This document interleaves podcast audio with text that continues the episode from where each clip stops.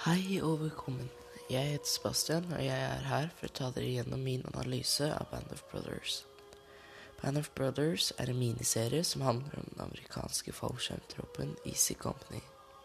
Serien er produsert av tidligere Hollywood-skuespiller Tom Hanks. Hanks har skrevet deler av manuset selv og regissert en av episodene.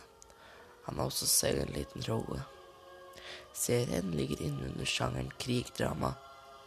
Den oppfyller både sjangerkravet til å være en krigsfilm, i tillegg til at den også inneholder dramatikk. Analysen som jeg skal snakke om i dag, skal gi svaret på hvordan serien er laget, hvordan fortellingen er bygd opp, og hvilke effekter som er brukt.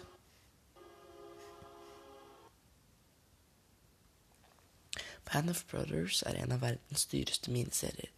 Serien er laget ved hjelp av 500 taleroller, 10 000 statister 8 regissører og 9 manusforfattere. Og den kostet hele 1 milliard kroner å produsere. De fleste av skuespillerne i serien er unge og ikke så godt kjent fra før. Men stjernen David Schwimmer, kanskje bedre kjent som Ross, en av hovedrollene i 90-tallsserien Friends, er også med. Før innspillingen av serien måtte skuespillerne gjennom en to uker lang rekruttskole for å bli fysisk forberedt til serien. Miniserien er på ti episoder og er basert på en bok med samme tittel. Boken Band of Brothers er skrevet av den kjente historikeren Stephen Ambrose, som gikk bort høsten 2002. Historien bygde han opp av ekte dagbøker og intervjuer med flere veteraner fra andre verdenskrig. Serien er bygd opp over flere år, men episodene fokuserer i hovedsak på de viktigste slagene og handlingene som Easy Company er involvert i. I serien følger vi Easy Company gjennom den harde opplæringen deres i delstaten Georgia og videre ut i krigen i Europa. Hver episode innledes med et kort intervju fra en av de originale fallskjermjegerne fra Easy Company, og deretter følger introen. Serien følger Easy Company over flere år i kronologisk rekkefølge. Serien har ikke noen tydelig hovedperson, men det er noen personer som er mer sentrale enn andre. Hver episode starter med et intervju fra en av de autentiske personene som serien er basert på. Nå skal du få høre en kort snutt av intervjuene.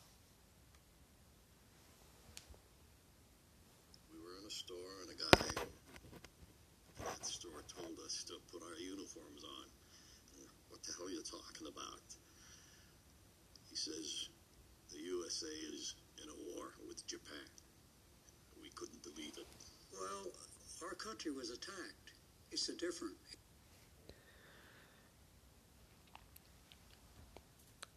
Dette er et godt virkemiddel som gir seerne en større empati for karakterene. Gjør at det blir enklere å relatere seg til de grusomme hendelsene som disse menneskene gjennomgikk under andre verdenskrig. Serien er også god til å få fram veldig realistiske emosjonelle reaksjoner når karakterene er i sårbare situasjoner. I serien er det også brukt filmmusikk komponert av Michael Kamen. Filmmusikken er med på å fortelle historien og er med på å forsterke de mest intense scenene. I actionscenene er det brukt både høye lydeffekter, og kameraet er ufokusert og i bevegelse. Dette er mer på å gjøre scenene mer realistiske. Band of Brothers er en serie med stort fokus på å være så historisk korrekt som mulig. Serien ønsker å gi deg muligheten til å sette deg inn i hvordan det faktisk var under andre verdenskrig. Måten selve historien er bygd på ekte følelser og opplevelser, gjør at den gir deg et så autentisk korrekt bilde som mulig.